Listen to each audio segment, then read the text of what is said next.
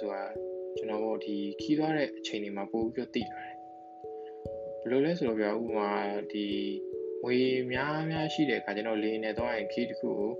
နေမဲ့ဆက်ဆက်နဲ့တက်တောက်တက်တာရောက်မယ်ကျွန်တော်တို့ဒီကားနဲ့သွားမယ်ဆိုရင်တော့လိုင်းကားနဲ့ဆိုရင်တော့နည်းနည်းလေးတော့ပြင်မယ်ပေါ့အဲ့ဒီအချိန်မှာငွေကြေးရတန်ဖိုးကပို့ပြီးတော့သိတာလာတယ်အဲဒီလိုပဲပေါ့ဒီတနေရာခီးသွားလို့ကျွန်တော်တို့တွေနေဖို့ထိုင်ဖို့စီစဉ်တဲ့အခါမှာလည်း အဲငွေများများရှိရင်တက်တက်တာရှိတဲ့နေရာမှာတဲလို့ရတယ်။ဘာကောင်းကောင်းစားလို့ရမယ်ကောင်းကောင်းနိုင်လို့ရမယ်ပေါ့နော်။ဒါကြောင့်လည်းကျွန်တော်တို့အခု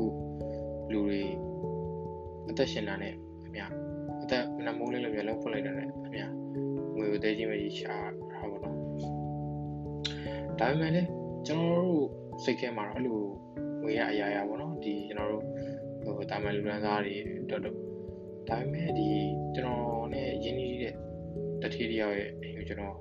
အလေရောက်ဖို့တဲ့အချိန်မှာငွေရအရာရာမဟုတ်တော့ပြန်ဘူးအဲသူတို့အတွက်ကြတော့ငွေဆိုတာပြောမယ်ဆိုတော့ကြိုးစားခဲ့ရလဲပေါင်းပေါ့ဖုံးကန်တခုခုပေါ့နော်အဲမိသားစုမှာကြတော့ငွေထက်သူတို့ကအချိန်နဲ့နေလို့မှပို့ပြီးတော့လိုအပ်နေတယ်အာမိသားစုအချိန်မပေးနိုင်တာ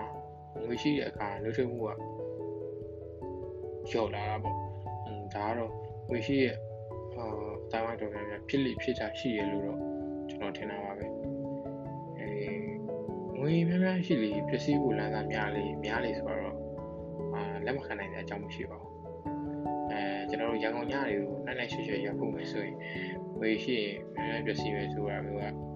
လူတွေလက်ခံသွားကြမှာပါကျွန်တော်ကတော့မရောက်ဘူးအောင်ဆောက်တယ်မှာပဲဘူးတာပြောမယ်ဆိုရင်တော့ကျွန်တော်တို့ဒီလောကကြီးက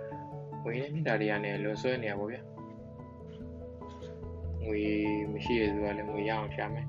ငွေရှိရသူမှကြာလည်းမြင့်တာတွေကလည်းနှုတ်ထူမှုကလိုအပ်နေတာပေါ့လောကကြီးမှာတော့ပြည်စုံတယ်လို့ဖြစ်ရှိပါတယ်ဒါပေမဲ့ကျွန်တော်တို့တွေက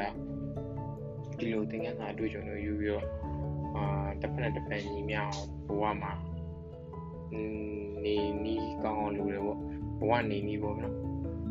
ဘေးရာဘေးနေရာမှာရေးကြည့်ရဘေးရာဘေးရာမှာရေးကြည့်ရဆိုတော့ကျွန်တော်တို့သိထားတဲ့တော့ပေါ့